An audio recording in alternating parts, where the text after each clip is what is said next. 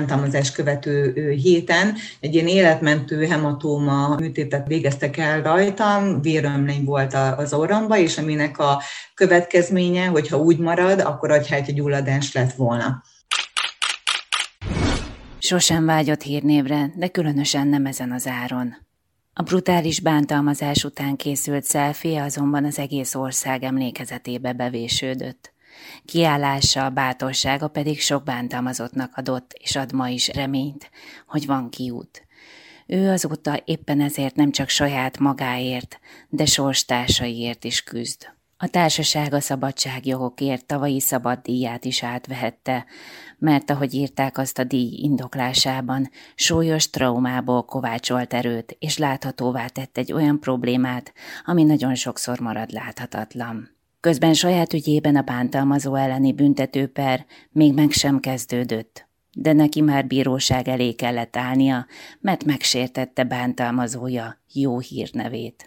Ez itt a Selfie, a Szabad Európa podcastja. Jakab Aponyi Noémi vagyok. A következő bő negyed órában orosz Bernadettel beszélgetünk.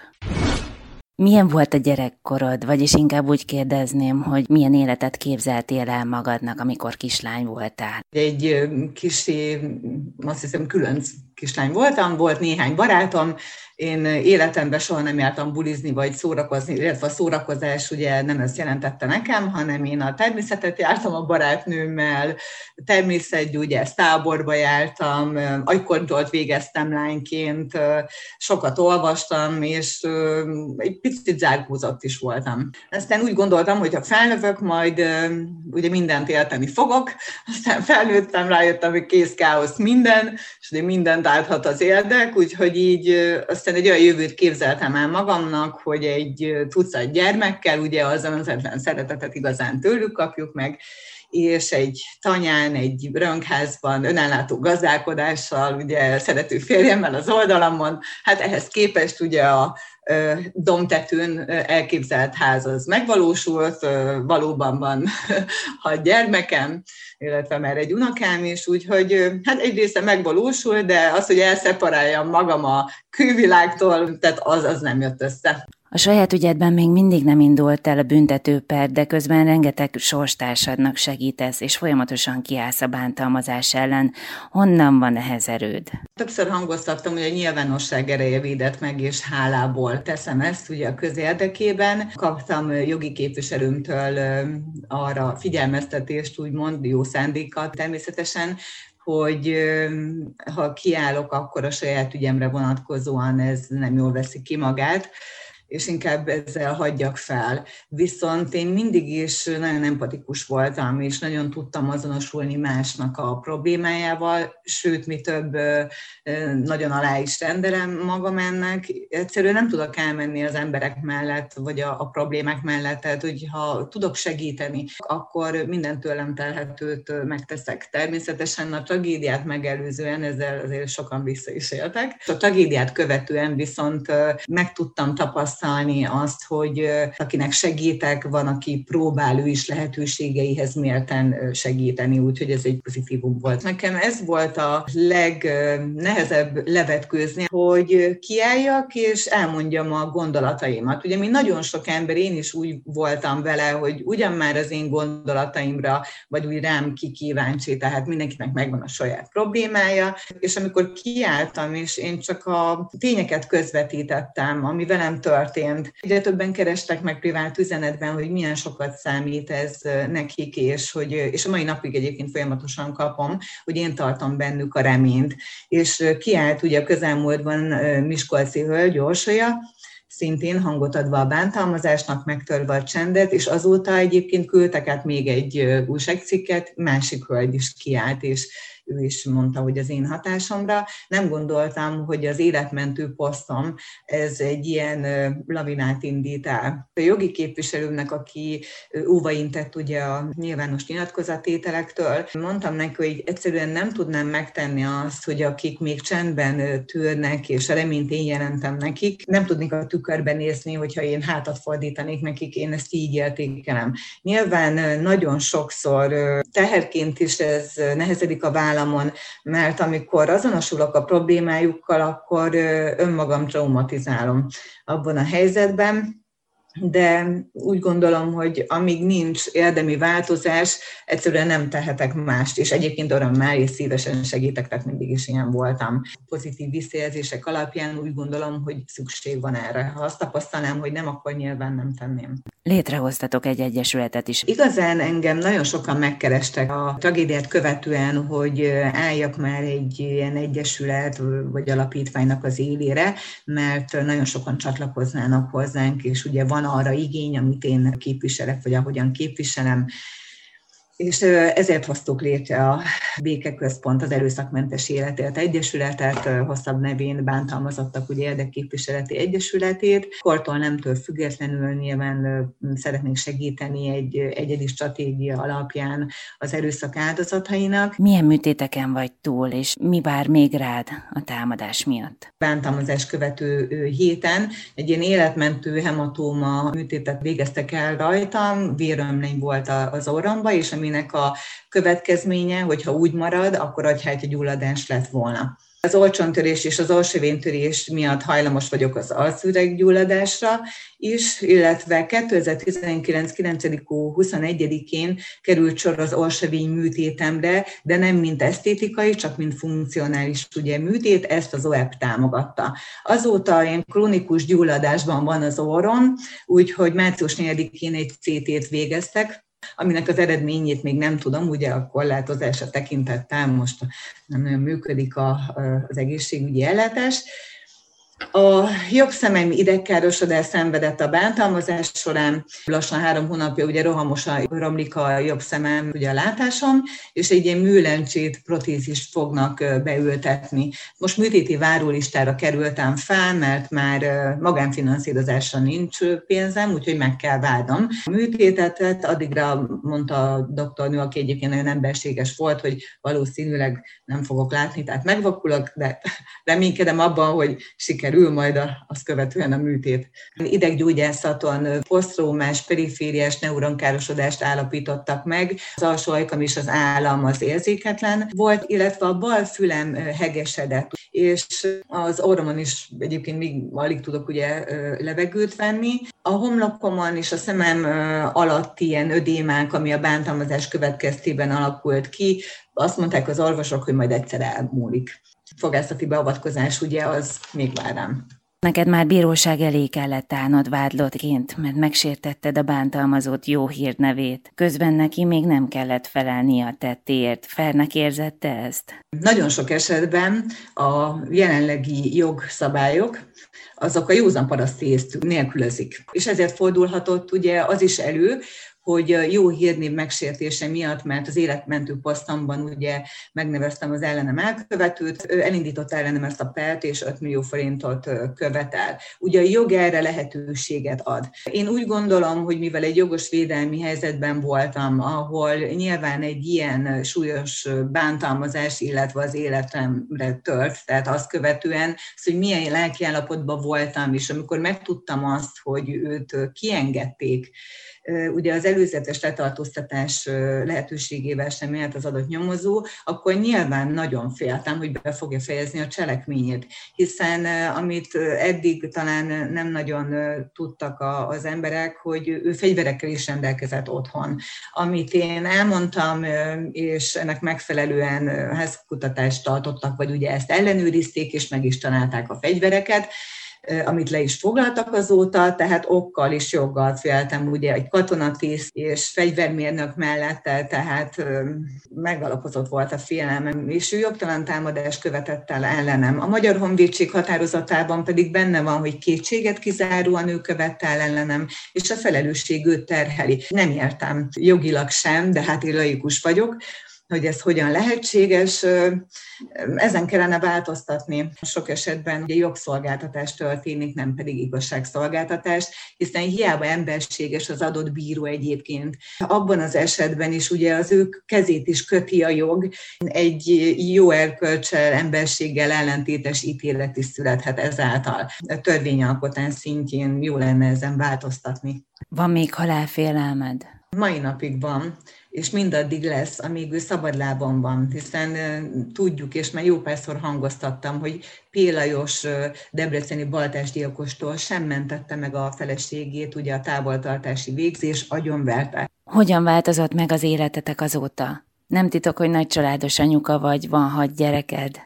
Mi életünk fenekestől felfordult, amit ugye nehéz volt a gyermekeknek is így elfogadni. Igazán különösen azt a részét, hogy ez megtörtént, és én a napjaim jelentős részét azzal töltöm, hogy írom a különböző válaszokat, nyilatkozatokat, beadványokhoz, ugye az alapanyagot úgymond, a rendelkezésre álló bizonyítékok alapján, és ez sok időt elvesz tőlük. Ugye a hatóságok előtti megjelenés is úgy szintén tehát ezek mind-mind befolyásoló tényezők, és hát várjuk azt, hogy lezáruljon, és hát egy viszonylag nyugodt életet tudjunk élni, illetve mert most, hogy a egészségügyi beavatkozások jelentős részén túl vagyok, munkába is kellene állnom, mert a, a tartalékom, amit annó képeztem, ugye azt így már feléjük. És a pandémia helyzet pedig még pluszra rátesz egy lapáttal, tehát egyedülálló édesanyaként úgy, hogy mellette dolgozzak, és itthon legyek a gyermekekkel, tehát ez, ez aztán,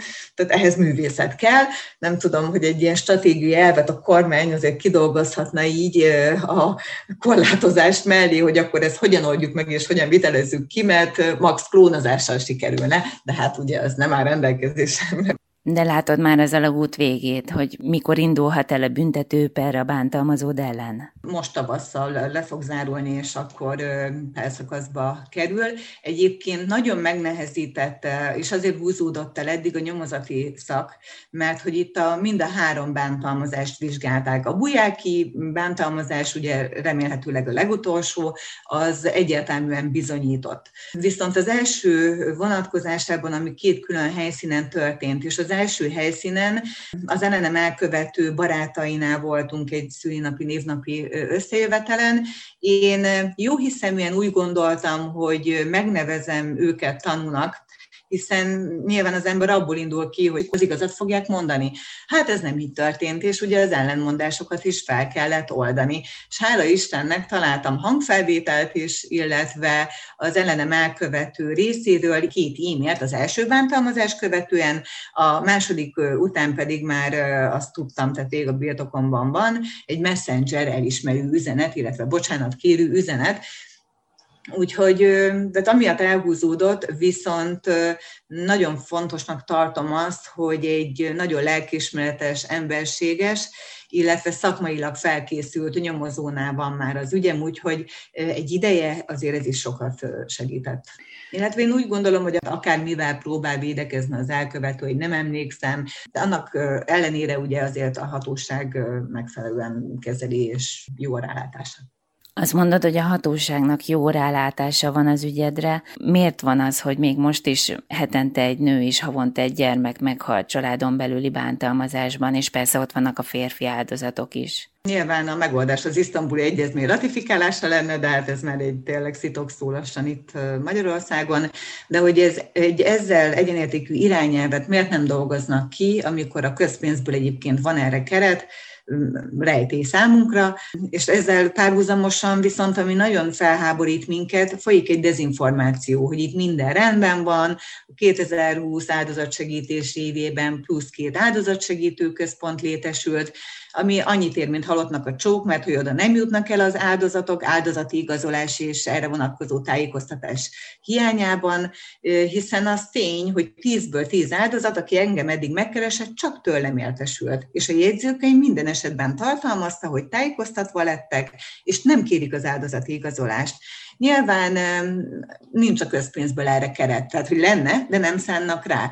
Úgyhogy már ha itt elvéreznek az első akadályon ugye az áldozatok, a sértettek, mert hogy ez minden sértetnek jár, nem csak az erőszak áldozatainak, és már el sem jutnak az áldozatsegítő központban, ahol egyébként még nem biztos, hogy megkapják ugye ezeket, főleg a pénzügyi vonatkozásban úgy, ami járna, és amit egyébként vissza is kell fizetni, hogyha három éven belül mi nekünk ez bárhonnét, máshonnét megtérül. Tehát nem az van, hogy mi ezt csak úgy kapjuk, mint áldozatok, hanem három éven belül nekünk ezt vissza kell térni téríteni. Tehát így aztán abszolút nem értem, hogy miért nincs számba a közpénzből erre keret, és én úgy gondolom, hogy mindenki számára, hatóságok számára is, hogyha lenne egy stratégiai terv, egy, egy iránymutató, mint például, most vegyünk alapul egy felhőkarcolót, ugye ott is van egy tűz esetén egy menekülési terv, egy stratégia, és úgy eleve könnyebb mindenkinek a helyzete, nem kell feltalálni a spanyol viaszt, tehát igazán mindenki jól járna ezzel az áldozatok legfőképpen, de a hatóságok is, hogyha tudják, hogy hogyan kell eljárni ebben az esetben, mert azért ez egy eléggé mély rendszer szintű jelenség, amire fel kell készülni. Lenner Erikánál ugye ez már be is bizonyosodott, hogy a rendszerabúzus áldozatai vagyunk. Ez egyébként pont az erre vonatkozó irányelv hiányának is a következménye mert hogy nem tudják, hogy a hatóságok hogy hogyan járjanak el ugye ebben a helyzetben. Ugye vannak, amit te is mondtál, az áldozatsegítő központok, de ugye ezek nem a védett házak, ahova elvileg a bántalmazottaknak lehetne menekülniük. Szerinted ez jó megoldás különben, hogy magának a bántalmazottnak kell még mindent hátrahagyva elmenekülni otthonról? Én már az elejétől kezdve mondom, hogy a bántalmazott ember, a sértett ember ugye testileg, lelkileg kiszolgáltatott állapotban van, és akkor még miért őt szolgáltatják ki, még inkább őket büntetik a helyet, hogy elkezdenék felelősségre vonni a, a bántalmazót. A hazai joggal az a probléma, hogy a bántalmazó, mivel tudja azt, hogy nincs megfelelő óvintézkedés ellenük, ezért úgy gondolják, hogy egy jó jogi képviselővel a jelenlegi jogszabályok alapján simán megúszhatják, és erre is törekednek. Ugye látjuk a lugos orvos esetében, az ellenem elkövető ugyanezzel a stratégiával próbál védekezni, és én nem adnék erre lehetőséget nyilván. Tehát így lehetne ezt kiküszöbölni, hogy súlyos szankciókat kapjanak az elkövetők. Mit üzennél Varga Judit igazságügyi miniszternek, aki ugye tavaly évelején bejelentette, hogy 2020 az áldozat segítésével lesz? Igazán az, hogy ez nem sikerült, nem jött össze, ezt, ezt mindenki látja, nem csak én, és ennek hangot is adtak már sokan. Én is ugye az elmúlt másfél évben kérvényeket, javaslatokat nyújtottam be, érdemi választ nem kaptam rá. Amit üzennék, hogy a sajnálat kevés tettekre van szükség, nem dezinformációs kampányra, mert az emberek nem hülyék, látják, hogy mi folyik. És mit üzensz azoknak a bántalmazottaknak, akik még nem mertek segítséget kérni, vagy még nem mertek kilépni az ajtónon, hogy ott hagyják a bántalmazójukat? Azt üzenném, hogy álljanak ki önmagukért, az igazukért küzdjenek, igenis értékes emberek, mindenki egyedi és értékes ember, és ezt higgye el magára, és ne higgyék el azt, hogy ők a hülyék, ők a bolondok, mert hogy általában pont a bántalmazó próbálja ezt elérni, hogy az önbecsülésünket a béka feneke alá ásni jóval, legyenek fontosak önmaguk számára, és igenis rengeteg olyan információs vonal van, ahol már lehet segítséget kérni, hogy ki tudjanak kerülni abból, abból a helyzetből, amiben vannak a legkevesebb sérüléssel, ugye itt a lelki sérülést is értem ez alatt és akármilyen nehéz a rendelkezésre álló lehetőségeket, én úgy gondolom, hogy akkor is érdemes kimeríteniük még abban az esetben is, hogyha rájuk nézve ez átmenetileg hátrányt jelent, mert hogy még mindig jobb bármi annál, mint hogy ki legyenek szolgáltatva egy deviens személynek, aki nem lehet tudni, hogy mikor játszik Istent az életük felett, és sok esetben ugye ez tragédiával, halállal végződik. Ne várják ezt meg. És végül mit üzensz ezeknek az embereknek, akik, ahogy te mondod, Istent játszanak mások élete felett? Egy Szepes Mária idézettel élnék. Akit szeretsz, azért tégy meg mindent, és semmire se kényszerítsd sok esetben tehát a bántalmazók birtoktárgyuknak tekintik a másik felet, hiszen ha szeretnék, akkor nem kényszerítenék rájuk az akaratukat, és szabadon engednék, ugye másik mondás, hogy ha szeret, akkor úgyis visszatér. Ők ebben nem bíznak, egyébként saját magukkal van bajuk, nekik alacsony az önbecsülésük, lehet, hogy azt vetítik a másik emberre, és az ő frusztrációjuk vezet oda, ami sok esetben ugye tragédia, és ezért független tőlünk egyébként a, a bántalmazás, mert egy ember sem bánthat egy másik ember, tehát nincs erre ok, ha csak nem önvédelem, vagy ugye mások védelme. Fél az az ember, aki itt cselekszik egyébként, ő fél a leginkább. És ahelyett, hogy szembenézne a lelkének a démonaival, úgymond, inkább ezt levezeti a másik félen, és nem lehet tudni, hogy mikor, és ez a legrosszabb az egészben. Ez a Selfie volt a Szabad Európa podcastja, amiben Orosz Bernadettel beszélgettünk. Jakab Aponyi Noémit hallották. Köszönöm figyelmüket!